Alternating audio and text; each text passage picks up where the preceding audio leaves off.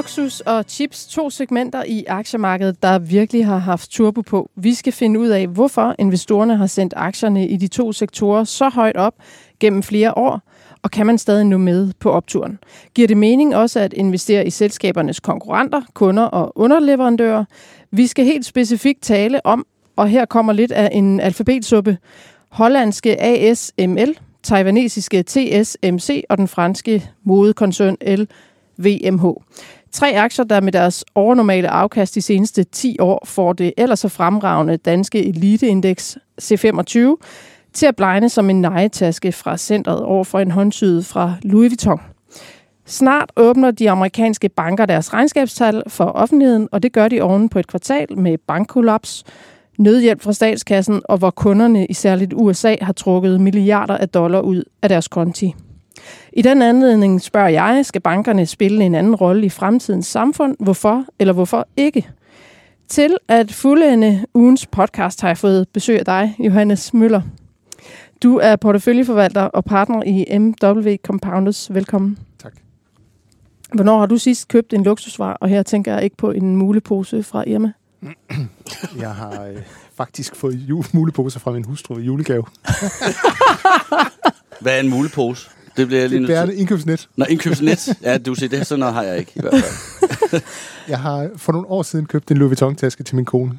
Okay, nogle år siden. Godt. Velkommen øh, også til dig, Oscar Barner Bernhardsen. Du er nordisk investeringsstrateg i Saxo Bank. Ja, tak. Velkommen. Ja, tak.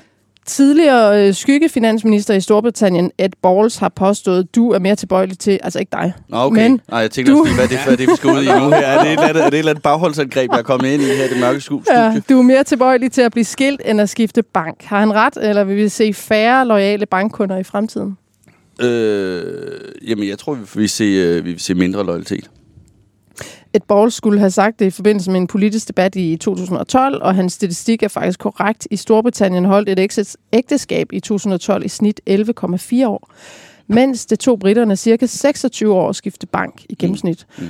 Og de skiftede så ikke engang ved, ved ægteskabsbrud der. Nå, men velkommen, Oscar. Tak. Velkommen også til dig, Simon Kirketab. Du er investorredaktør på Dagbladet Børsen. Et slag på tasken skal vi... Øhm, altså, vi skal som lovet tale om semiconductors, halvledere og øh, computerchips, kan man også kalde dem. Hvor mange internetforbundne devices har du? Jeg tæller lige. øh, jamen, jeg har vel øh, fem, seks stykker, tror jeg. Ja. Ja. Vi øh, vender tilbage til den statistik øh, lige om lidt. Velkommen også til dig, der lytter med. Mit navn er Gro Højer Tilst. Men inden vi snakker om chips, så skal vi lige runde øh, SAS, fordi at øh, det er højst sandsynligt øh, et selskab, der er på vej væk fra børsen. Det skriver Berlingske Business. Flere centralt placerede kilder vurderer over for avisen, at det vil være overraskende, hvis selskabet fortsat er børsnoteret til efteråret. Og det er jo en aktie, som mange små investorer øh, har brændt øh, fingrene på, og sådan set også de fleste danskere, fordi staten jo er medejer af selskabet. Simon, hvad, hvad er den her, hvad betyder det, hvis det skal afnoteres? Hvad betyder det for investorerne? Jamen, vi er jo på vej mod game over i uh, SAS for uh, de nuværende aktionærer. Uh, meget dramatisk udvikling her til morgen, hvor at uh, aktien uh, onsdag ved uh, børsåbning falder uh, 40 procent uh, på den her uh, rygtebaserede historie i Berlingske om en uh, mulig afnotering. Altså, SAS er jo virkelig uh, en, uh, en, uh, en skidt historie at tage op, hvis vi skulle have god stemning her fra start i podcasten i hvert fald. Mm. Det er jo gået fra uh, skidt til værre til rigtig slemt. Uh, de er jo i gang med sådan en uh, restruktureringsproces, og uh, herop til påske, der kom der en uh, meddelelse ud fra selskabet om, hvordan den forløber. Og jeg må sige, når jeg læser lidt ned i den, så er jeg faktisk forundret over, at uh, aktiekursen uh, ikke er gået længere ned. Mm. Fordi der står rent faktisk i den opdatering, uh, at... Uh, og nu citerer jeg lige fra den på engelsk her. There is currently an expectation that will be no or very little value for existing shareholders in SAS at the end of the company's restructuring proceedings. Og altså, så falder den kun. Altså, der er ingen værdi tilbage til aktionærerne. Så egentlig så burde den jo øh, gå direkte mod 0, men øh, en aktie koster altså øh, stadigvæk øh, 0,17. 0,17, ja, så der er stadigvæk 17 øre øh, ned til, at Det er vi, vi rammer lidt, nullet. hvis man har købt 100 aktier. Så altså, øh, der bør være kø med udgang, fordi det er godt nok sjældent, man ser et øh, selskab øh, gå ud med så klar en melding til øh, deres egne aktionærer. Det, I sidder med, er tæt på værdiløst. Det er lidt synd, Ja, ja. ikke? Altså, det virker som, nu, nu var det det med det SAS. Det var et klenod, ligesom Irma. Ja, ja. Nej, Nå, men altså, det, selskabet men, kører vel videre. Det Ja, bliver det tænker jeg også, ja. De der långiver, der overtager det. Ja. Ja. Altså normalt så giver jeg jo aldrig et kursmål, men jeg gør en undtagelse, da jeg giver et kursmål på SAS. Det er 0,00. Det var modigt, Johannes. Ja, ja, men det, øh, Og aktien, den toppede jo faktisk i sin velmagsdag, og det var lige før finanskrisen, der toppede den i 71 kroner.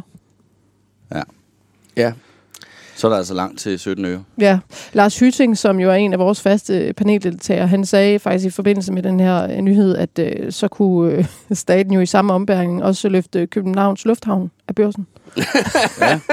så vi får lige... Øh, så kan vi lige få... Øh, få det meste af luftfart over på, øh, på statslige hænder. Ja. En, Ja. ja. lidt anden, en lidt anden kursudvikling dog på, øh, på lufthavn. På lufthavn, ja, det kan man men sige, Altså, ja. Men det er jo bare altså, sådan strukturelt, alle de her luftfartsselskaber, øh, især Europa, der har det jo bare været en dork nærmest, jamen siden jeg kan huske. Øh, altså, øh, og så giver det jo god nok mening, at, at nogle af dem er på grund af nu her. Ikke? Men altså, det, det, det er jo bare nu, når vi skal ind i nogle af de andre industrier, snakke luksusindustri, semiconductor, som ligesom har nogle, nogle strukturelle, rigtig positive tendenser, så er luftfart og, og nok også nogle andre industrier, øh, vi kan komme på, det er jo bare strukturelt noget rigtig, rigtig skidt, der har været det længe. Men Oscar, hvad oplever du i, øh, blandt jeres kunder? at SAS, er det ikke en populær aktie, eller har været så sent som sidste år?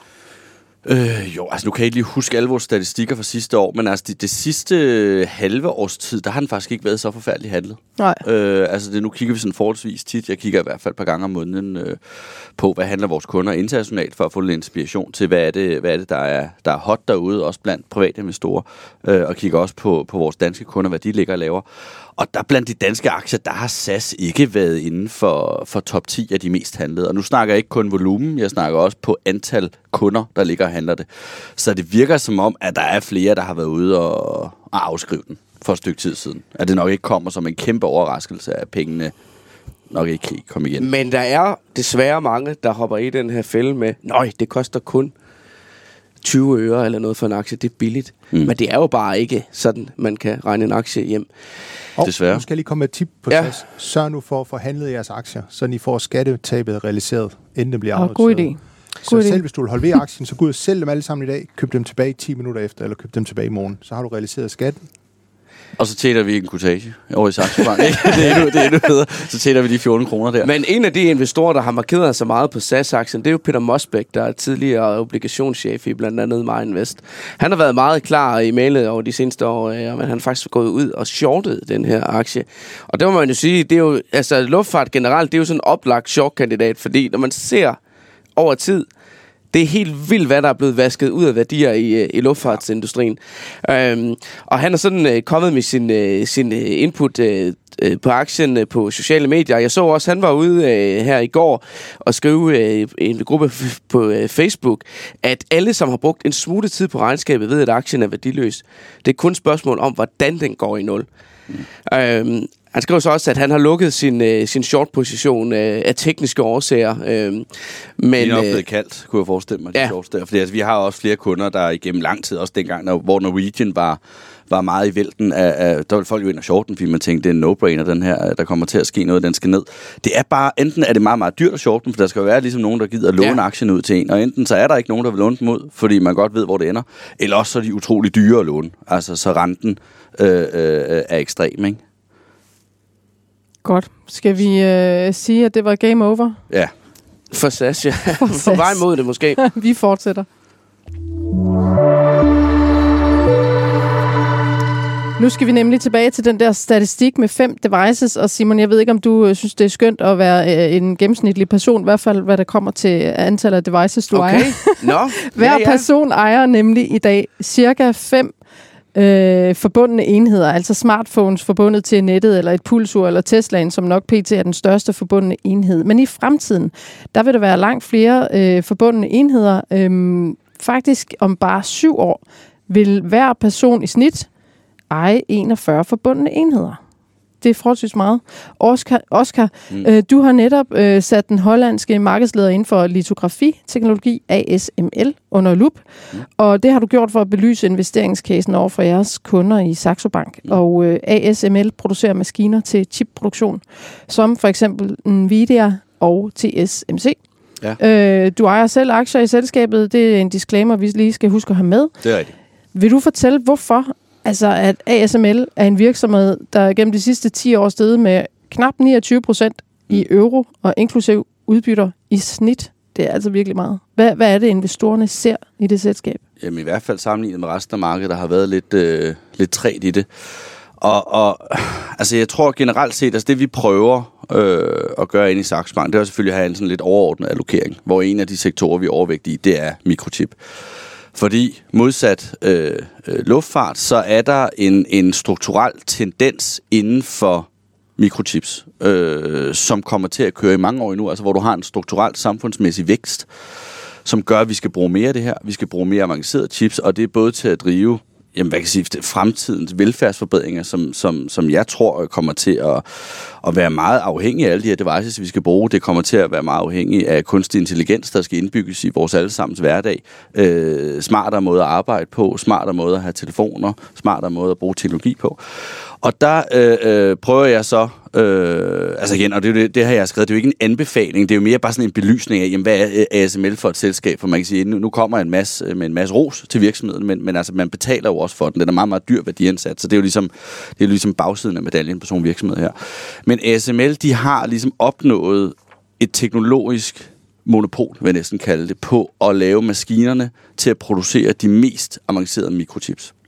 Fordi det man ligesom, altså man, vi går meget, meget dybt i, i, i alt det her. Nvidia har en anden plads i den her værdikæde, det må vi se, om vi får tid til. Men ASML, de laver ligesom maskinen til at sørge for, at dine øh, transistorer, når du laver en mikrochip på, på silicium, altså silikon, at du kan få dem så tæt på hinanden som overhovedet muligt. Og der er det jo mere, en, en, øh, jo mere kompakt en mikrochip, du kan lave, jo mere øh, kraftfuld vil den være i forhold til den størrelse. Og, og, og, og, og, og det ASML laver, det er faktisk litografi. Og der tænker man sådan lidt, jamen det lyder som en kunstner, der skal ud og trykke maleri, og, og hvad nu ellers skal være. Det er det egentlig også, fordi det de faktisk gør, det er, at de trykker med øh, ultraviolet lys på de her siliciumplader. Det, det så gælder om for ASML, det er at, at, at have den mest kraftige ultraviolette lys overhovedet. Og det lyder sådan, nå jamen, det er, jo bare, det er jo bare lys, men det er det altså ikke. Det er meget, meget svært at lave den her lysbølge så lille og så præcis som overhovedet muligt. Og der er de, så vidt jeg ved, altså nu har jeg prøvet at undersøge markedet en lille smule, også blandt deres konkurrenter på de her maskiner, der er de, de, der er de, de eneste, der kan lave maskiner, der kan lave det, de kalder for extreme ultraviolet lys. Og altså det er så, så EUV-maskiner. Og det er så der, hvor de virkelig kan tjene nogle penge og få nogle høje marginer? Eller Jamen hvordan? det er det, fordi altså, du kan sige, det er sådan, øh, øh, gårdsdagens teknologi, det hedder Deep Ultraviolet hmm. øh, lys, som ligesom hed en bølgelængde, nu bliver det lidt øh, videnskabeligt, men, men altså, så du har på lysbølgen, der har du en bølgelængde mellem 180 og 220 nanometer. Øh, extreme ultraviolet, der er vi nede på 13,5 i bølgelængde, så altså en meget, meget mere øh, øh, præcis lysbølge, du kan bruge. Og hvis du kigger på snitprisen, bare lige for at sige, hvor stor værdiforskel der er derude for, når, når øh, TSMC og Samsung og Intel, og nu producerer Nvidia så deres chips et andet sted, men, men i bund og grund er de jo også kunder hos, øh, hos øh, ASML. Så hvis du kigger på en DUV-maskine, så koster den 28 millioner euro. I altså den med de lange bølger? Det, ja, altså det er jo stadigvæk rimelig avanceret Arh, teknologi. det er jo fundet til de penge, mand. Ja, ja, men du ved, sådan en rimelig dyr maskine, ikke? Men, men hold nu fast, en EUV-maskine, og det er altså dem, du skal bruge. For eksempel, hvis du skal lave, hvad hedder en, en Apple-chip nu, mm. en A16-chip, eller A15, hvad de kalder dem. Dem, du har i din iPhone, dem, du har i din Mac. Altså små, kompakte, meget avancerede mikrochips. Der skal du bruge en EUV-maskine for at kunne producere dem her. Øh, de koster 175 millioner euro for en maskine. Så det er altså 10 gange prisen. Eller ah, og hvor stor, er den, hvor stor er det forretningsben, der laver de der øh, extreme? Jamen det er jo det, der er lidt vildt, at, at hvis du kigger på deres omsætning, så selvom de kun, jeg mener, de producerede cirka 400 maskiner i, øh, i 2022, det er kun 40 af dem, der er EUV. Men på trods af det, så er det jo halvdelen af omsætningen, der kommer fra de her meget avancerede maskiner. Og hele strategien for ASML, det er ligesom, at de har naturlig monopol. Der er ikke andre, der kan øh, øh, producere den her teknologi derude, som man skal bruge, når du skal lave de her meget avancerede mikrochips, enten til din Apple-telefon eller til datacenter med Nvidias meget avancerede grafikkort, så skal du bruge den her maskine. Og derfor så betaler man bare prisen. Og når der ikke rigtig er andre, der kan producere det, og det er det hele vores, øh, du ved, den kunstige intelligensbølge skal køre på, jamen, så er det jo bare en fantastisk virksomhed.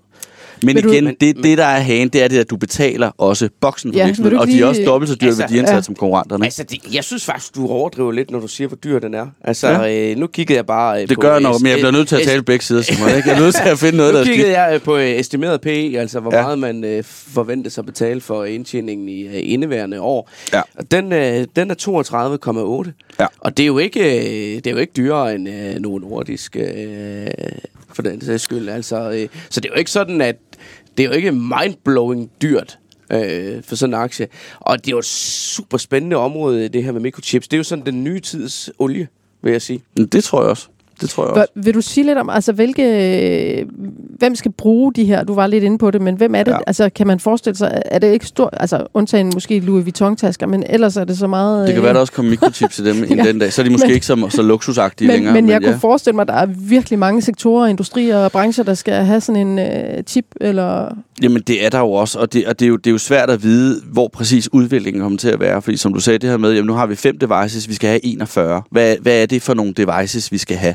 Er det øh, en brille med en chip i? Er det et øh, Apple-ur osv.? Og kommer det hovedet til at slå igennem? Men altså noget af det, de selv siger, altså der, hvor markedet er størst lige nu, det er inden for smartphones. Især hvis du kigger på de avancerede mikrochips. Øhm, og noget af det, de selv estimerer, der sådan bliver de, de mest voksne markeder, det bliver datacenter.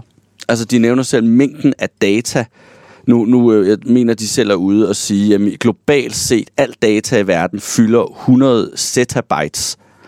Og en zettabyte, det er 1000 milliarder gigabyte, mener jeg. Der må man rette mig, hvis jeg tager fejl. Det er rigtig meget data. Man kender fra sin... Du får lov til at sige det her, Jeg, jeg må kan ikke-. Ja, ja, men, men, men det er bare for at sige, og den datamængde skal allerede om to år stige til 175 zettabyte. Så du ser altså en, en meget, meget stor acceler- acceleration af, hvor meget data er det, vi har. Der skal du bruge datacenter, du skal bruge mere avancerede måder at lære det på. Øh, Du skal bruge mikrochips til det. Så altså en af de største vækstområder, det bliver datalæring og, øh, og, og datacenter. Så nævner de også noget som, som øh, bilindustrien. Mm. Altså Automotive. automotive, selvkørende biler og sådan noget, men det har man bare talt om længe nu, ikke? Altså, det er jo, det er jo svært at vide, at det her er noget, der bryder igennem så de næste fem år, men, eller skal vi vente 20 år på den Men her Oscar, udvikling? hvornår har du set lyset her? Du siger, du har selv aktien. Jamen, det gjorde jeg, øh, jamen, det, det er vel nok et par år siden. Det er vel nok et par år siden. Og det, det var, hvor at man, man begyndte at tale meget om... Øh, altså, nu er kunstig intelligens, det er blevet meget hypet her i starten af i år, men det er jo ikke noget nyt tema. Og der øh, begyndte jeg ligesom at kigge ned i, jamen, hvad er det for nogle... Hvad er det for nogle værdikæder, der kommer til at give os den her kunstig Ja. intelligens? Fordi jeg tror, hvis man bare går ind på sin investeringsplatform og søger efter øh, AI, så finder du alle de virksomheder, der har AI i deres navn. Og dem tror jeg, man skal holde sig fra. Altså, det er typisk noget, der ligger på en milliard eller to ja. øh, øh, milliarder dollar i market cap. blockchain-trækket. Jamen, du ved, vi, vi smider et AI ind, og så er det bare, så er alting fantastisk. Så altså, jeg går efter virksomhedsnavn, hvor der ikke er noget AI i. Men så er det ligesom at bygge, bygge værdikæden op og sige, jamen, hvad er det, man skal bruge for at drive den her udvikling? Og det er også, nu har vi så lavet et investeringstema inde hos, hos Saxo Bank også, hvor jeg har prøvet at gøre det lidt og sige, okay, der er de her øh, semiconductor equipment manufacturers, det er ASML. Øh, for eksempel. Det er nogen, der hedder KAL eller Applied Materials. Der er sådan lidt forskellige Ja, det er konkurrenterne, ikke? Det, det er konkurrenterne, men de konkurrerer på forskellige måder, hvor litografidelen, der virker som ASML, de er altså rimelig, rimelig øh, alene der. Ikke? Så der, så, så, så, men der vil så også sige, nu, når du siger konkurrenterne, det, det, der er så svært ved den her industri, det er, at det er så sindssygt avanceret, at det, det er svært at finde ud af, hvor langt de egentlig er fremme, fordi det virker som om, de har markedet for sig selv. Men, men det her med, med, om det er det ene ultraviolette lys eller det andet, og hvad, hvad for en optik, der går igennem. Altså, det er jo sådan nogle kæmpe brilleglas, de laver til at køre det igennem. Men jeg skal bare lige, fordi Ja, nu ja. lovede jeg lidt i begyndelsen Ja. her, at vi også skulle kigge lidt på konkurrenterne. Altså, giver det mening også at investere i dem, eller hvad? Øh, har, øh, altså, det, det er svært at vurdere, hvor langt de er fremme med deres teknologi, og, Ja. ja. men er de også sådan lidt monopol? Det må de jo næsten være, når de kun er øh, fire. Jamen, men det, det kan være, altså det er for eksempel, hvis nu du tager lige inden for det her øh, ma- øh, semiconductor udstyrsfabrikanter, som det er, så er der jo ASML, Applied Materials, LAM Research, Tokyo Electron og KLA har jeg skrevet ind. Ja. Det er nogle konkurrenter, de selv har nævnt, som ligesom siger, okay, det er der, vi føler os, det er vores peers. Og det, der bare er forskellen mellem, det er, hvis du kigger på forventningerne ind i 2023, så er der bare ikke så forfærdelig meget vækst hos de andre selskaber. Okay. Og det tror jeg har noget med at gøre, at væksten hos ASML bliver drevet af de her EUV-maskiner. Altså dem, der er ekstremt dyre, hvor man ikke rigtig har nogen konkurrence, og nogen, der skal bruges til at lave næste vil sige, bølge af teknologisk udvikling inden for, inden for mikrochips. Hvor generelt set i semiconductors, der er der jo også tegn på, øh, at det ikke går så forfærdeligt godt. Altså nu havde vi, jeg Vi mener, var det Samsung? øh, Vi har vel nærmest en gigantisk afmatning i øjeblikket. Jamen, det, var det ikke Samsung, der var ude med det laveste øh, profit siden øh, 2009, eller noget af den stil der? Intel har jo heller ikke været imponerende. Så det er jo det, jeg tror, man bliver nødt til at dele semiconductor-industrien op i at sige, hvor er det, du har masseproduktion og prispres, og meget cykliske øh, semiconductors til du ved, lidt mere, øh, det kunne være bare sådan, sådan nogle RAM-kort, du putter ind i Det din, din Intel, ikke, der computer. er blevet ramt af det. Ja, men det der, tror jeg også Samsung Ja. er. Der er flere, men du ved, sådan noget, hvad, er egentlig øh, bare din, øh, din øh, MacBook, som jeg sidder med her, hvad skal ind i en, øh, en, en, en halvbillig bilproduktion? Altså de der typer chips, som alle bare kan lave, mm. det er nok ikke det bedste sted at være lige nu. Hvor, hvor dem, der ligesom skal drive næste niveau af kunstig intelligens, og har en edge, fordi der ikke er konkurrence, fordi mm. de er så langt øh, til frem teknologisk, jamen dem vil vi gerne betale noget mere for, og de har også mere vækst næste år. Ja. Men altså 28 procent, over 28 procent i gennemsnitlig årlige afkast. 29. øh, 29. Mm. Øh, jeg tror, jeg så, så 28,6, da jeg tjekkede sidst. Mm. Ja, men jeg har bare rundet op. Og det er på ASML-siden Ja, øh, i det er imponerende. Ja, ja, ja. Johannes, du samler på compounder-aktier. Sådan nogle, der kan generere et øh, flot, øh, stort, solidt øh, afkast øh, over tid. Hvad tænker du om det øh, felt her? Jamen, vi kan jo også godt øh, lide nogle af dem her. Vi har jo dem, der hedder TSMC, og så ikke man kan huske, hvad øh, den der bogstavsforkortelse, så kan man prøve at lære det hele. O- navn udenad, det står for Taiwan Semiconductor Manufacturing Company. Og de er kunde hos ASML. De er jo sandsynligvis ASML's største kunde. Øhm, og vi, vi har også kigget lidt på ASML. Altså, vi har været lidt bange for cykelkvaliteten i den. Øh, fordi vi tænkte, at på et eller andet tidspunkt kommer der en afmatning, og så er det jo dem, der skal levere kapacitet til industrien, der bliver hårdest ramt. Men det har så været en forkert tese fra vores side af. Øh, men vi endte op med at købe aktier i TSMC i stedet for. Og det er fordi, de har jo også faktisk øh, et de facto monopol. De sidder på 80% af markedet for den, det, det her, man kalder high-end Ja. chips. For det er også meget rigtigt, som Oscar siger, at man bliver nødt til at skille lidt op og kigge på, at for eksempel derhjemme med mig, der har jeg fået en varmepumpe, som er forbundet til internettet. Det, det er en ret enkel chip, man kan lave der. Ja. Øhm, men, men der, hvor, hvor, det, hvor det virkelig er svært, det er jo på øh, vores øh, iPhone, og så er det på de der datacenter. Så det, det er den del af markedet, der er sjovt at være i, og den del af markedet, der sidder TSMC på 80% af markedet. Kunne du finde Men- på at kigge på nogle af, af TSMC's øh, konkurrenter? Jamen, de har jo ikke rigtig nogen konkurrenter. De har jo kun Okay. øh, Samsung, og det, det er jo et kæmpe koreansk konglomerat, som er skide ligeglade med deres aktionærer. Hvad med Nvidia? De er ikke... Øh... Nvidia kunne, men det, jeg, jeg har ikke, øh, det kunne også være en, vi skulle kigge på. Jeg kender jo desværre ikke alle selskaber i hele verden, så det bliver, det bliver sådan lidt øh, nogle st- nålestiksoperationer, vi laver, når Men- men, vi vælger at dykke ned i, i, i nogle selskaber. Men nu har I så øh, TSMC her i porteføljen. Altså, når jeg bare lige kigger ned på, øh, på udviklingen i forventet omsætning og indtjening, altså, øh, det ser ud som om, at, øh, at øh, omsætningen kommer til at ligge flat Ja, fra, år. fra 22 til 23 her, og indtjeningen øh, per aktie øh, tager faktisk et, øh, et ret øh, pænt øh, dyk øh, fra øh, øh, 196 øh, taiwanesiske dollar per aktie til øh, 165. Det er sådan normalvis øh, ikke den bedste købssignal på en aktie. Nej, men det er også derfor, aktien har ligget ret dårligt det sidste års tid, og det er jo fordi, der er den her afmatning i øjeblikket. Øh, Kina spiller vel også en rigtig stor rolle, altså både for ASML, fordi de ikke må sælge på det kinesiske marked, og, og Taiwan er jo bare en stor øh, uro øh, for... Altså, jeg tror, det, der driller til SMC i øjeblikket, det er den her afmatning, der er inden for branchen. Der er, mange, der er nogle lagerforskydninger og sådan noget. Og der kan man sige, at ASML, de er jo nogle af dem, der har været så gode, at de har gået gå fri af den. Og så er der nogle selskaber, der er helt i knæ og ligger og bløder. Og der TSMC, de har taget nogle slag, men ikke lige så meget slag som markedet generelt. Men 21 procent i gennemsnit øh, årlig afkast over 10 år til den aktie, så det er jo også øh, Det er også noget, der vil noget, ja. Ja. Men, men jeg tror sådan generelt set, at man Altså, det, det, det, jeg tror, vi siger lidt begge to, det der med, altså, man bliver nødt til at dele mikrochipindustrien op, fordi der er en del af industrien, der har det rigtig skidt, og så en anden del, der faktisk har det ganske fornuftigt, hvor væksten stadig er der. Og det andet, det er så at, at, at kigge ind i, jamen, hvad er det for et led, man er i? Fordi der er de der, som du ved, med, med SML, der har, dem har vi talt om, så er der dem, der producerer mikrochipsene, det er blandt andet øh, øh, TSMC, det, det er Intel, Samsung, øh, ved de, Texas Instruments også. Mm. Jeg ved ikke præcis, hvad nogle chips de laver, men det er nogle af den, af den del. Og så er der dem, der designer chipsene, og det, det er jo blandt andet sådan som Nvidia. Øh, øh, Apple laver også deres egne chips, hvor de ligesom øh, laver udviklingen og får dem produceret et andet sted. Og når vi så kommer længere ned, så er det dem, der laver hardware, der laver computeren, der laver tingene. Og så i sidste ende, så er der software-delen, der så programmerer, hvordan bruger vi de her chips. Og der tror jeg, det gælder om at finde inden for hvert led, hvem er det, hvem er det der ligger rigtig positioneret her? Hvem ligger inden for de øh, industrier, de chips, ligger inden for den rigtige form for kunstig intelligens, der, intelligens, der kommer til at have væksten, og så holde sig væk fra dem, som vil opnå prispres, øh, have det svært på væksten osv. osv. Og så er det godt, at man betaler lidt mere for, for nogle af kvalitetsselskaberne. Øh, og det kan jo godt være, at det er grund nok til at holde sig væk fra dem. Men, men der vil jeg trods alt hellere betale lidt for meget for nogen, der har strukturelt god vækst, end at betale for lidt for du... nogen, der, der, der har strukturelt ja. faldende vækst og prispres på deres produkter. Så det, du siger der også lidt, det er ikke nogen ETF.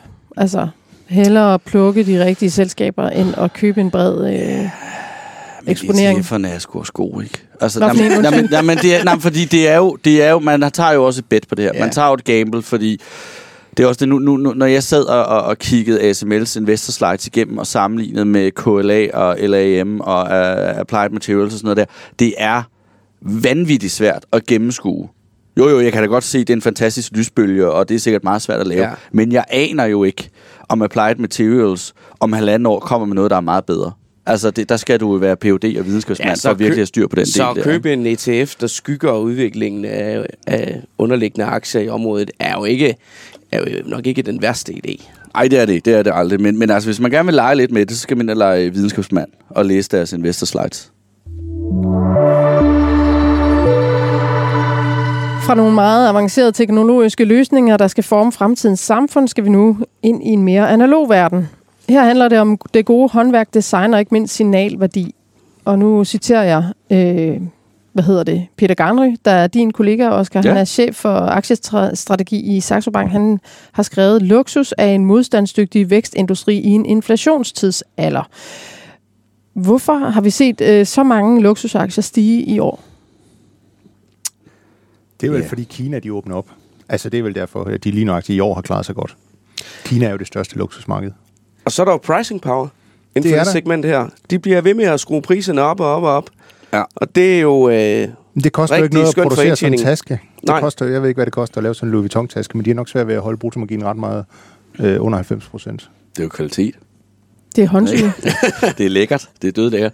Men altså... Øh Ja, og det er også det. Altså, nu er den her Kina-genåbning, øh, og det, det, det tror jeg egentlig er, er rigtig set, at den havde man nogle forventninger til. Altså, det nu, nu har vi... Øh, du ved, det skriver du og jeg også sendt til dig, altså kigget lidt på, på, øh, på at Asien-divisionen er blevet en smule mindre. Den var 35 procent i 2021, gik ned 30 procent i 2022. Og nu snakker vi Louis Vuitton, eller LVMH. Ja, eller? præcis. LVMH-gruppen.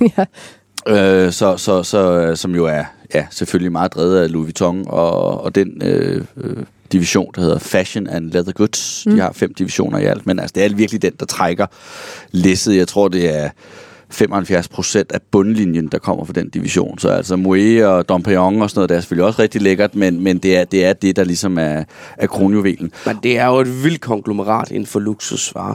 Ja, ja. Det... Jamen, jeg har en drøm om at komme ned og besøge Bernard Arnault og få en rundvisning på Louis Vuitton-fabrikken, og lige købe til champagne og lige kigge lidt. Altså, det, det er en virksomhed, der virkelig har nogle, nogle gode brands, ikke? Og det er jo så ham, der har bygget det her imperie op. Han er både ja. CEO og øh, bestyrelsesformand. Blevet verdens rigeste mand nu også. Det var jo faktisk hans drøm med, jo, det er ja. han, han har overhalet Elon Musk, og det var jo hans drøm faktisk, at blive verdens rigeste på baggrund af det her imperie. Det har, det har han lykkes ved. Fantastisk Hvordan har, altså han har jo, øh, vil du ikke sige lidt om, hvad det er, der har gjort dem til det, de er i dag. Altså, der har været noget opkøb, men der er også meget øh, fokus på organisk vækst, og de vil være vertikale. Altså, de ja. vil eje nærmest det hele inden for øh, i leverandørkæden. Jamen, det, det, jeg sad og kiggede deres øh, strategislides igennem, eller det var så mere end, en, jeg tror, det var en investordag, de holdt. Og jeg har sjældent set et så, en så simpel strategi. Altså, det var et slide, og det var det, du siger med det der. Altså, at de, at de, øh, de holder det bare simpelt. De, øh, altså, først og fremmest, så tror jeg, Bernard Arnault er den eneste inden for top 10 af verdens rigeste personer, der ikke har startet en virksomhed nogensinde. Altså, han har aldrig startet en virksomhed. Han har købt op, integreret, lavet hostile takeovers, lavet friendly takeovers, fået dem ind, fået øh, brandsene til at fungere rigtig, rigtig godt hver for sig. Som du siger, lavet vertikal øh, integration, hvor man, hvor man ejer hele værdikæden, får forbedret marginerne. Og det er sådan, altså det er bare godt købmandskab. Og det, der er egentlig ikke så mange dækkedar. Det er ikke, fordi der er en eller anden avanceret strategi osv. osv. Han har bare været rigtig god til at få luksusbrands øh, op at køre, få dem optimeret, og så lave de rigtige synergieffekter mellem brandsene, uden de bliver afhængige af hinanden. Så det er også det med at have en portefølje af brands, der ikke er for afhængige af hinanden. Har han så gjort det klart til, når han en dag skal afsted? Fordi han er jo 74 år. Ja. Eller kunne man frygte, at det var en, en kurstrigger i nedadgående retning, når han melder sin afgang? Frivilligt Altså, eller det virker jo ufrivilligt? lidt som om, det er sådan en familiedynasti, hvor sønnen allerede er blevet øh, sat lidt ind i... Øh, der er i hvert fald nogen fra hans familie, der er inde i nogle af virksomhederne. Jeg kan ikke huske, hvad for nogle af dem der er. Men, men, men det kunne da sagtens være. Jeg tror ikke, det er lige forløb. Jeg som siger, Warren Buffett, han, øh, han har lige rejst til Japan, og hvad er han? Han er 90 eller hvad? 94. 94, Tror ikke? Så han, han er kø, lever jo stadig bedste velgående, og laver masser af forretning. Så Ham har ikke- du jo mødt, Johannes. Ja, det har jeg. Og han siger, at man skal slet ikke være så bekymret for det der med alder, fordi jo ældre man bliver, jo langsommere ældes man i procent. Altså hvis man er 20 år, så ældes man med 5 procent om året. Hvis man næsten er 100, så ældes man kun med 1 procent om året. Det er rigtigt, det er rigtigt. Hvad med det her luksussegment? øh, Hvordan ser, hvordan ser I på det? Jamen, vi synes, at det er vildt fedt, fordi det er jo nogle selskaber, som har vist over mange år, at de kan tjene rigtig gode penge, og de kan bevare deres brand. Så hvis man jo er god til at drive det, ligesom de franskmændene er og italienerne er, så kan man også fastholde brandværdien over tid. Amerikanerne de er jo elendige til at drive luksusbrands, fordi de kan ikke modstå fristelsen for at lave udsalg og tilbud og sælge i outlet og sådan noget. Øhm, vi synes på nuværende tidspunkt, så er vi ikke så meget mod på at købe aktierne, fordi vi synes, de er lidt dyre, i kombination med, at vi ved jo godt, at de er cykliske. Altså uanset hvad folk siger, jamen, når kommer der en recession, så er der ikke råd til at købe de der tasker.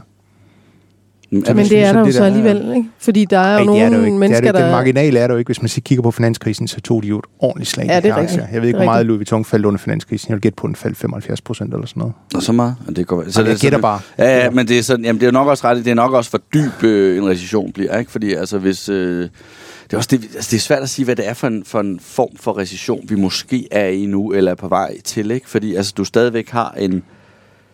Altså på nogle punkter en økonomi, der, der kører sådan forholdsvis godt. Du har, du har lønstigninger, du har lav arbejdsløshed, og du har jo stadigvæk et segment i, i hvad kan man sige, sige top 10 procent af verdens befolkning, der virker som om, at forbruget øh, stadigvæk øh, kører rimelig godt.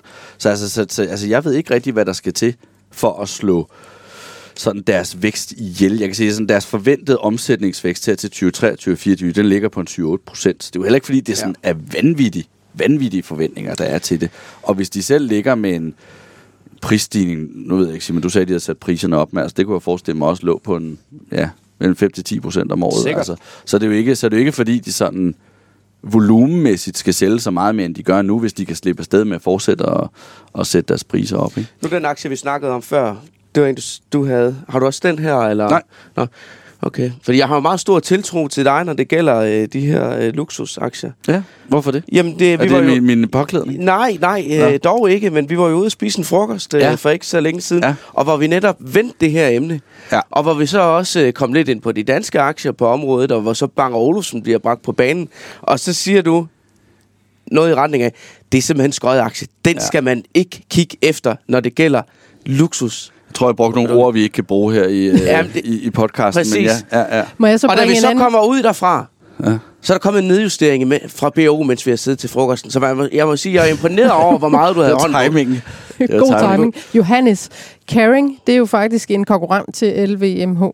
Øh, og deres PE øh, for i år ligger på 17. Kunne det være interessant?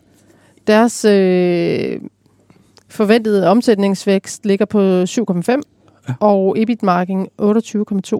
Altså, jeg er ked af det. Jeg har ikke lige brugt så meget tid på caring for nylig. Altså, jeg, jeg har bare sådan generelt tænkt, at det ikke det er ikke et område, jeg lige synes, det er værd at bruge så meget krudt på, fordi, som jeg sagde før, jeg synes, at risk-reward ikke er, er så attraktiv. Altså, vi kan godt lide at tage risiko, hvis vi bliver betalt for det. Vi synes, på de her luksusaktier på nuværende tidspunkt, der tager vi et risiko, som vi ikke bliver betalt for.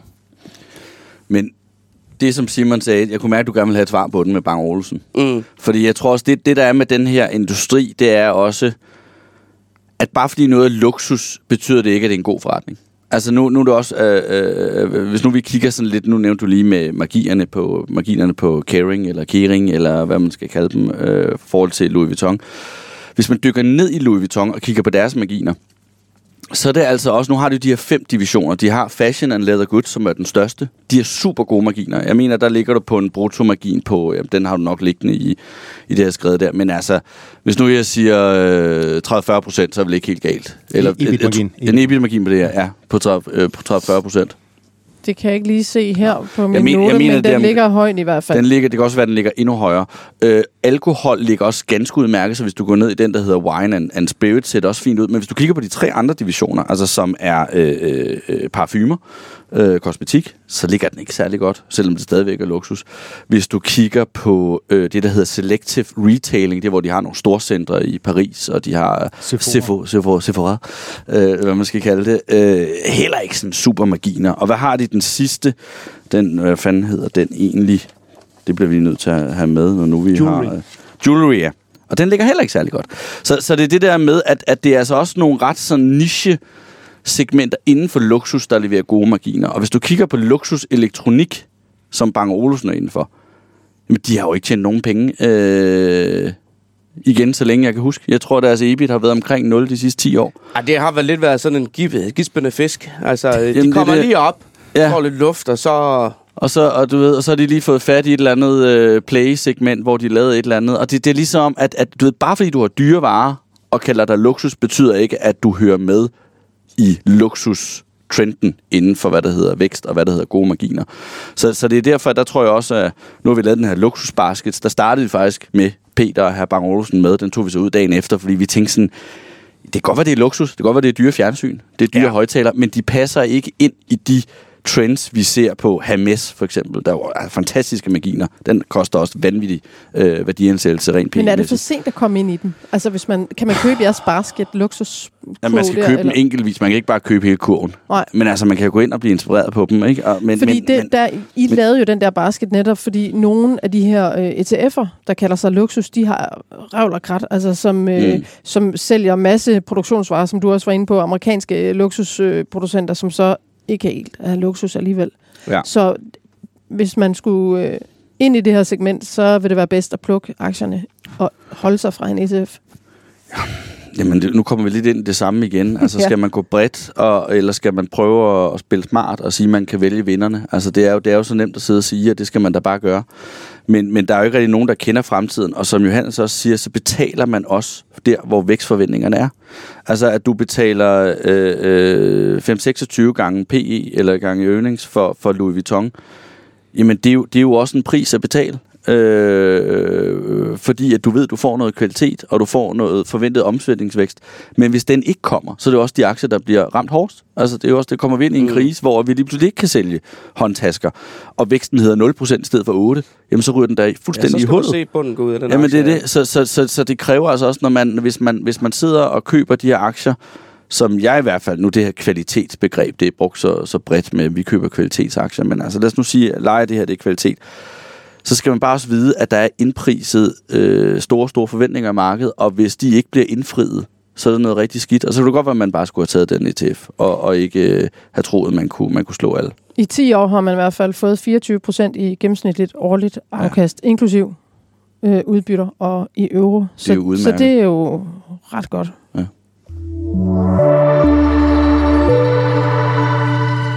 Er det tid til at skrive gravskriften på de finansielle supermarkeder? Skal nutidens banker splittes op for at få rene enheder, der ikke modarbejder hinanden? Eller er den seneste måneds uro i banksektoren blot et udtryk for få isolerede tilfælde, som har rystet markedet og dermed en god købsmulighed? Johannes, hvad siger du? Du øh, ejer jo to amerikanske mellemstore banker i jeres portefølje, ikke? Øhm, synes du, at øh, bankernes forretningsmodel skal gentænkes og justeres? Altså, jeg tror, bankerne kommer til at køre videre med den forretningsmodel, de har nu. Og jeg synes, hvis jeg så må hoppe lidt op i helikopteren og fortælle om, hvad mit syn på er, hvad der sker på aktiemarkedet, så synes jeg, at den her bankkrise, der er lige nu, den er jo et meget godt eksempel på, at aktiemarkedet har jo altid et eller andet, de fokuserer på og synes, det er kaotisk og træls. Hvis man bare tager det sidste år, jamen så i, var det oktober eller november, starten af november, tror jeg det var, der var, den her, hvor man var virkelig, virkelig nervøs for kinesiske aktier, efter der havde været partikongres. Yes. Og Xi Jinping, der han havde nærmest fået diktatorstatus. Og sidste sensommer, jamen, der var det tech-aktier, vi var vildt bange for. Netflix var faldet 75%, Meta var faldet 75%. Og så griber det over igen. Så finder journalisterne noget nyt at skrive om, og investorerne kan ikke blive med at læse negative nyheder hver dag. Jeg tror ikke, der er en systematisk risiko på, eller systemisk risiko på bankerne i øjeblikket. Jeg tror, det er noget, der lige er lidt fokus på i øjeblikket, og så driver det stille og roligt over. Så hvis man har mod til at købe aktier nu, så tror jeg, man laver en ret god forretning på et til to års sigt. Og jeg skal lige sige, at I ejer US Bank Corp og Bank 7. Ja, vi ejer US Bank Corp, som er den femte største bank i USA, og så ejer vi en lille bitte bank, der ligger i Oklahoma, som hedder Bank 7. Så vil jeg lige læse noget op, som Martin Wolf, der er cheføkonomisk kommentator på Financial Times, for nylig har skrevet i en opinionsartikel. Han skriver, at citat, banksektoren er et system. Det er essentielt for markedsøkonomien, men det opererer ikke efter reglerne. Det er et råd. Og så skriver han, sammensmeltningen af risikable og ofte illikvide aktiver med passiver, der skal være sikre og likvide inden for underkapitaliserede, profitsøgende og bonusbetalende institutioner, reguleret af politisk underdanige og ofte inkompetente offentlige sektorer, er en katastrofe, der venter på at ske. Hvad siger du, Oscar? Jamen, jeg kunne næsten ikke forstå, hvad, der, hvad, hvad du sagde, men, men det, var, det var langt. Han siger, han siger at uh, bankerne det følger ikke negativt. han det siger, at bankerne, bankerne følger ikke reglerne, Nej. og de skal både investere i noget, der er illikvid, og så skal de have noget, der er sikkert og likvid, og ja. så bliver de reguleret af nogen, der er underdanige og inkompetente ja. i det offentlige. Men altså, det, det er det, og det er nu også sådan på vores øh, kvartalsudsigt her, vi lige kom ud med. Altså, der er vi også undervægt øh, banker. Så det øh, er måske ikke så langt fra det, der blev sagt der. Men det er mere, fordi vi går ind og kigger på, på de her strukturelle tendenser igen, og siger, hvad er det for et miljø, du, du kommer til at være i som bank det næste stykke tid.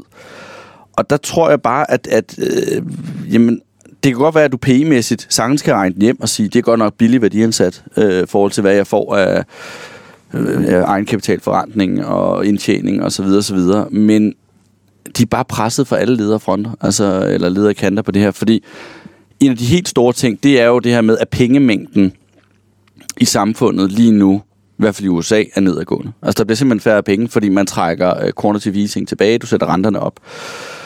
Så det gør jo, at vi har også har en inflation. Folk skal bruge deres penge, som du sagde til at starte med. Jamen, folk er begyndt at trække deres penge ud. Det er jo både, fordi der er noget, der hedder forbrug, øh, øh, hvor pengemængden bliver, mm. bliver lavere. Men så handler det altså også om, at bankerne her det sidste års tid i USA, har simpelthen taget øh, ja, hele guffet til sig selv. Øh, en, en, en, en, en, en statsobligation, en, sådan en, en hvad, hvad kalder de det, market, uh, money market fund, altså hvor du bare ligger der i helt, helt kort statsobligationer. Der får du som amerikaner nu hvad bliver det, 5% mm. øh, på en checkings account, altså det, der svarer til en lønkonto øh, i USA, der får du tæt på 0. Øh, binder du dine penge i tre måneder, så kan du måske være heldig at få en halv procent, hvis det, hvis det det, der kan gøre det det. Det kommer jo ikke til at holde, altså fordi, hvorfor, øh, at rent nok, hvis du er uvidende kunde, og bankerne ikke informerer dig om det, jamen så bliver du måske... Øh, øh, informeret af medierne eller, eller dine venner, at det er jo underligt, at du kan sætte dine penge til staten, få 5%, men hvis du går ned i banken, ja.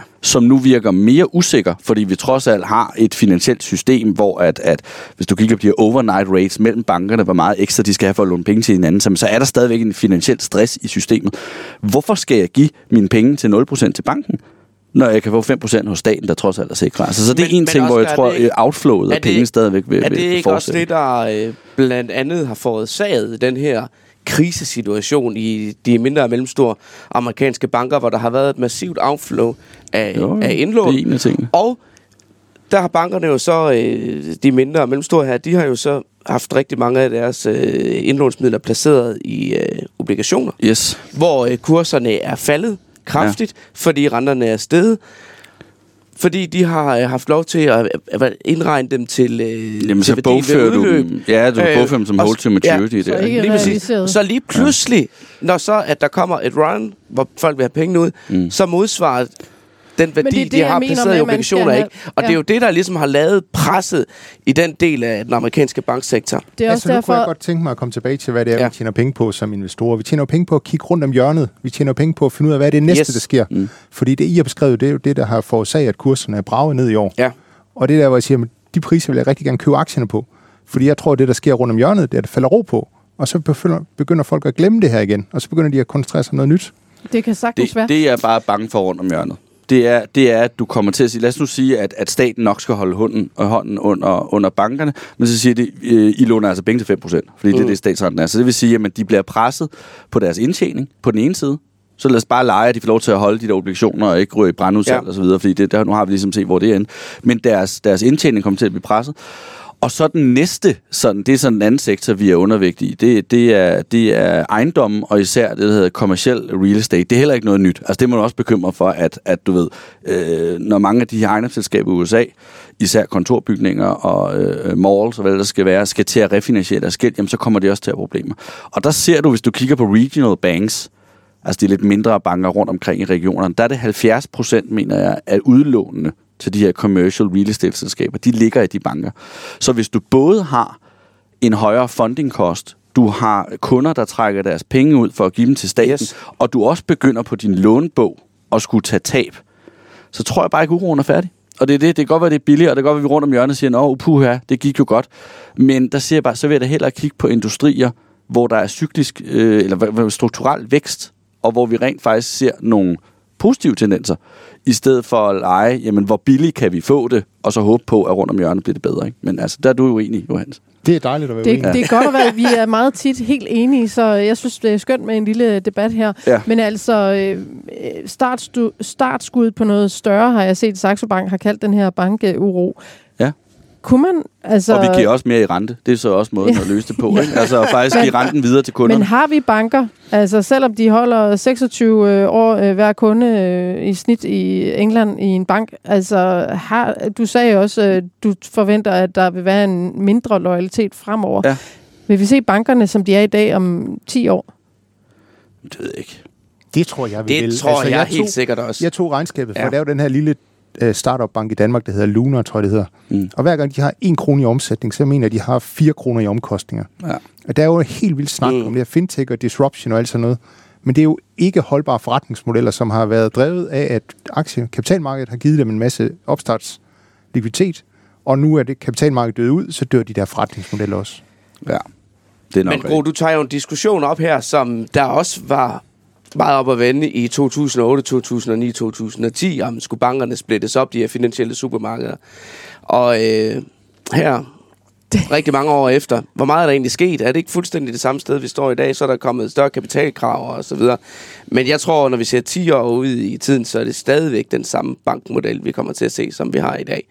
Og du kan sige sådan noget som Luna, det helt store problem der, det er jo i den type øh, af startups øh, inden for banksektoren der, de ved jo reelt set ikke, hvor indtjeningen skal komme fra.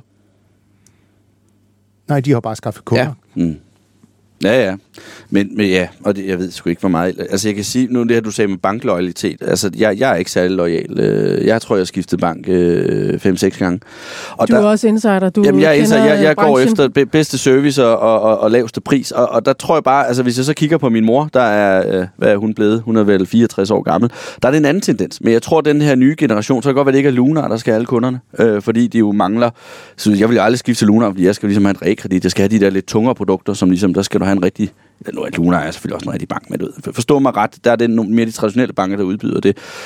Og der tror jeg, altså den her tendens, du også ser med, at kunder i USA begynder at flytte deres penge over i money market funds, øh, fordi de ikke stoler på bankerne længere. Altså, det, der, jeg tror, vi får en mere oplyst kundebase, så bankerne i hvert fald bliver nødt til at være lidt mere transparente, øh, vise, hvad, hvad koster det at være kunden her, øh, og folk kommer til at navigere efter det, i stedet for bare at sige, at jeg er stolt kunde af Danske Bank, og jeg har haft en pondus øh, med halsterklæde, da jeg var barn, og så er det bare dejligt. Altså det, det, der, der, der tror jeg, det bliver for nemt øh, og for naivt at tro om 10 år, at det stadig er den type kunder, vi har. Så det, det er nok ikke så meget forretningsmodellen, men det er mere kundeadfærden, jeg tror, der kommer til at ændre sig de næste ja, 10 år.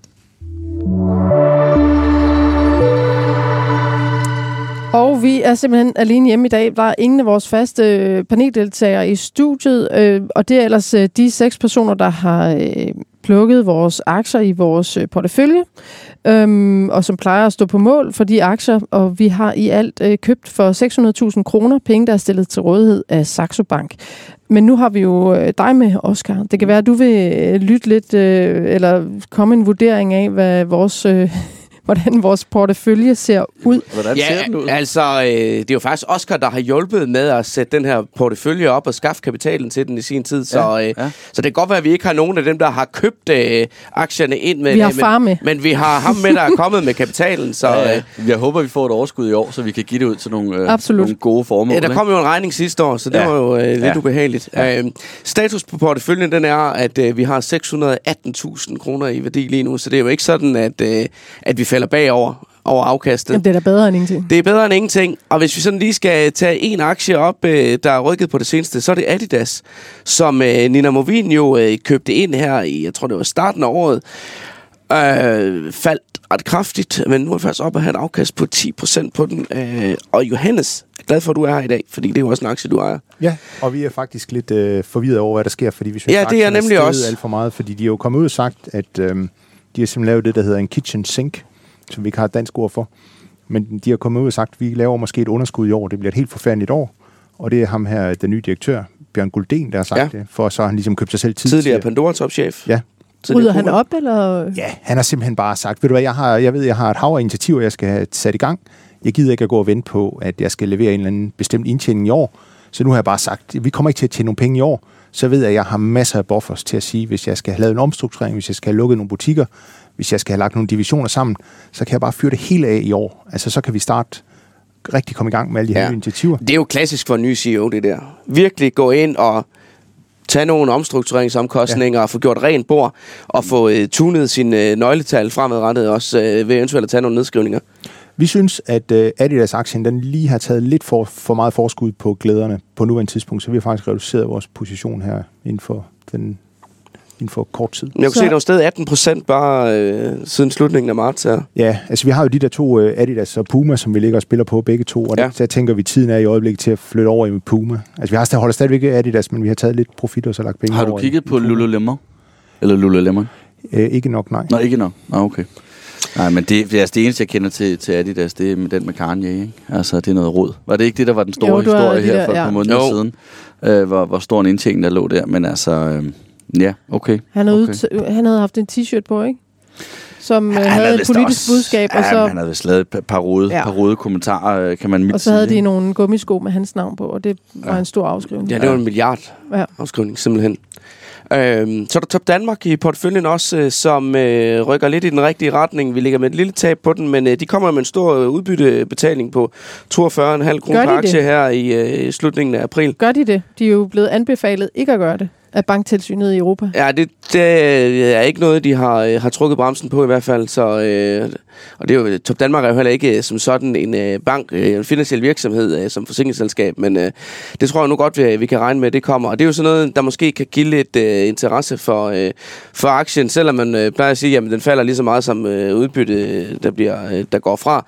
Så, øh, så er det samtidig noget, der sådan lige kan give en revival i en aktie. Så øh, det ser ud som om, at, at, øh, at, at det tiltrækker sig lidt opmærksomhed. Men Oscar, kan du ikke lige øh, prøve lige at kigge lidt i porteføljen her, nu når vi er der med, ja, og sådan se, hvad ja, der er Ja, ja, jamen, da se, øh, af hvad- spændende ting i den, og så sige, hvad tænker du egentlig om, øh, om det, vi har, har liggende her? Øh, åh, jamen, hvad skal man tænke om det? Hvad er der her? Der er noget Gen Store noget, der er blevet købt. Den har faktisk, den har jo fået købt sådan forholdsvis billigt. Ja. Det ud som om, ikke? Den fik vi lige fanget på det rigtige tidspunkt. Det har set ja. Endnu bedre ud, end det gør nu, desværre. Der ellers har haft det hårdt. Og så Mørk, lagde jeg mærke til. Ja. Ja. Hvor lang tid har I haft den? Det var en af de første, der blev købt ind øh, sidste sommer. Ja. Har Fordi udviklet det- sig rigtig godt. Jamen det er jo det, at Pharma har jo egentlig også været en industri, der sådan i, i et godt stykke tid har, har gjort det ganske udmærket. Også vores egen darling, Novo Nordisk herhjemme. Ikke? Altså det er så også, nu taler vi om, hvad, hvad handler vores kunder ud i saksmarkedet? Altså der kan vi se, der er der stadigvæk Novo, der bare øh, er populær. Altså både at købe og sælge i. Men altså det, det, det er bare nogle af de her lidt mere stabile øh, virksomheder, som, som tiltrækker øh, mange af vores kunder frem for SAS, som man kan sige i hvert fald ikke er stabil. Ikke? Så, det, så det er noget af det, der, der er hot der. Jamen ellers ved jeg ikke, hvad jeg skal sige. Jeg synes ikke, der er noget, der sådan springer, springer i øjnene, Simon. Altså er der noget, du er ekstra stolt af her? En, du håber på? Eller hvad? Øhm, Store Enso har været noget rigtig skidt, ja, det har se. været rigtig skidt. Den skal vi, øh, 38% den skal vi nok snart overveje at få, øh, få sendt afsted. Så Så. Ja. Men ellers, øh, jamen, Det, jeg vil ellers sige, har jeg ikke den, de store den, holdninger. er, den er anderledes i forhold til for eksempel Saxo Banks øh, kunders øh, top 10. Fordi der deler vi kun Danske Bank med de kunder. de, de ligger i jeres... Og GN. Ja, GN er også Nå på ja, der. GN, ja, Ja. undskyld. To, to aktier. Ellers så er det nemlig uh, Novo Nordisk, Bavarian, AP Møller, Tesla, Ja. Vestas, Ørsted, Ambo, DSV, Torm, Jyske Bank og FL Schmidt, som ligger uh, i toppen af... Ja, men, Men det, der er er jo, det er jo blandt de danske kunder, Ja, er det ja, ja. mest Jeg vil, jeg vil hellere sige en, jeg faktisk er lidt ærgerlig over efterhånden, det er Danske Bank. Ja. Fordi der var jo kommet rigtig stærkt momentum i den aktie, efter afgørelsen i hvidvasksagen kom. Men det er lidt ligesom om alt det her bankkrise, det er lagt en dyne hen over den. Ja. Så øh, jeg havde egentlig en tro og, og håb og, om, Men nu at, at vi den skulle få lov til at, at folde sig ud i den investeringscase. Men, Ja. men Øh, Simon, det der, hvor du bliver straffet for at købe de der trading-aktier. Det der, Ja. ja. du skal finde compounderne, de er på en god langsigtet rejse, så kan man godt købe og sælge det, men du ved ligesom, du har noget at falde tilbage på i de dårlige perioder. I de der trading-aktier, der har du ikke noget at falde tilbage Nej, på. men det er nok rigtigt. Så kan med, være, så at med nogen- den replik, for, lad os få lukket ned for, øh, for porteføljen øh, for i dag. Og så skal vi jo lige huske at sige, at øh, man kan jo gå ind på Saxo Banks hjemmeside og se den samlede portefølje. Vi lægger et link ind i øh, podcastteksten.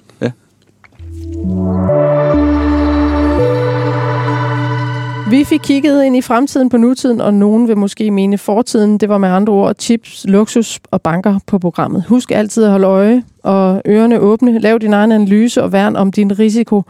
Ris, ros eller emner, vi skal kigge på, tager vi altid gerne imod. Så skriv gerne til investor Næste gang er det min kollega Tina Rising, der sammensætter Børsen Investor Podcast, så glæder jeg til 19. april. Tak til jer i studiet, Johannes Møller, partner og porteføljeforvalter hos MW Compounders, Oscar Brander Bernhardsen, nordisk investeringsstrateg i Saxo Bank, og Simon Kirketab, investorredaktør på Dagbladet Børsen. Arjuna Alexander Kolkur Sørensen stod for teknikken. Mit navn er Gro Højer Tilst. Tak fordi du lyttede med.